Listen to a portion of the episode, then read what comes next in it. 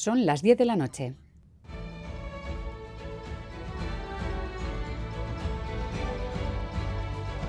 Radio Euskadi y Radio Vitoria. Servicios informativos. Repasamos los titulares de la jornada con John Fernández Mur, Gabón. Gabón, Miriam, noticias de este miércoles 10 de enero en el que comenzamos mirando al Senado. Allí se ha llevado a cabo el pleno del Congreso en el que finalmente se han convalidado dos de los tres decretos que el Gobierno pretendía sacar adelante. A última hora, Junts ha alcanzado un acuerdo con el Ejecutivo para abstenerse en las votaciones a cambio del traspaso a Cataluña de las competencias en materia migratoria y de la suspensión del artículo de la Ley de Enjuiciamiento Civil que, según los independentistas, dificultaba la aplicación de la amnistía. Han salido adelante, por tanto, el decreto ómnibus y el de las medidas anticrisis, rechazado por el no de Podemos, el que incluye los subsidios del paro, la prevalencia de los convenios autonómicos y, por ejemplo, los nuevos permisos de lactancia. Dos de tres. Aún así, un gran día, según el presidente del Gobierno, Pedro Sánchez.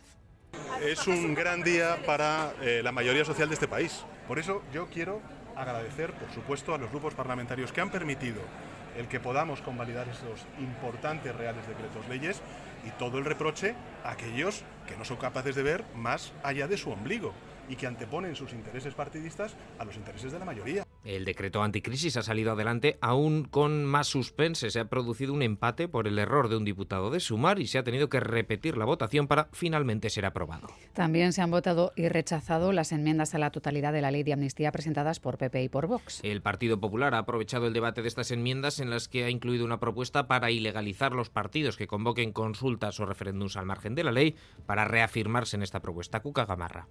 El Código Penal prevé la disolución de una persona jurídica si es responsable de la comisión de determinados delitos. Por lo tanto, no parece extraordinario que si se atenta contra el orden constitucional también se pueda disolver o suspender a instancia de los jueces. Nacionalistas e independentistas han echado en cara a los populares su cambio de opinión en un año. Gabriel Rufián Esquerra, John Iñárritu, Euskal Herria Bildu, Miquel Legarda, PNV.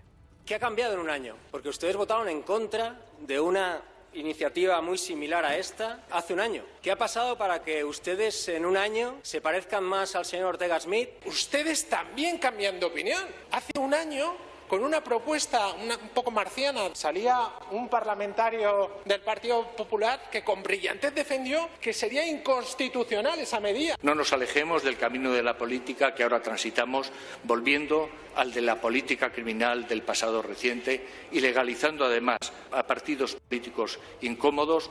El Ministerio de Sanidad ha impuesto el uso obligatorio de las mascarillas en centros sanitarios y hospitales. Mónica García, ministra. El carácter obligatorio de las mascarillas en los espacios sanitarios. Obligatorias las mascarillas con posibilidad de pasar a ser recomendación en aquellas comunidades que presenten descensos de contagios dos semanas consecutivas. El gobierno vasco, eso sí, va a llevar esta decisión ante la justicia al considerar que se produce una invasión competencial. Esgrime el Ejecutivo varias razones. Que no ha habido acuerdo del Consejo Interterritorial de Salud, que no se ha dado audiencia a las comunidades autónomas, que no se ha justificado que exista una situación de especial riesgo o alarma y que el Ministerio no ha razonado que la medida sea efectiva para atajar el pico de la gripe. Entiende el Gobierno vasco que esta decisión del Ejecutivo Central sienta un gravísimo precedente. El Gobierno vasco ha fletado un barco de inspección pesquera para encontrar pellets que pudieran estar flotando en nuestras aguas. Mañana se sabrá si las muestras almacenadas hasta ahora provienen del vertido de Galicia, lo dicho Leandro Azcue, director de pesca aquí en Gambara.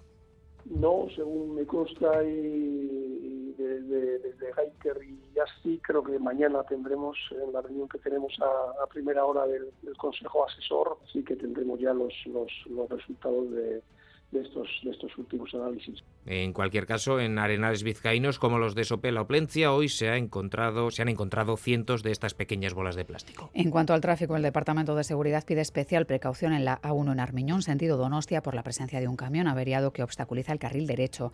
Es todo. Más noticias en una hora y en todo momento en itv.eus y en la aplicación ITV Albistea. Quiero arte.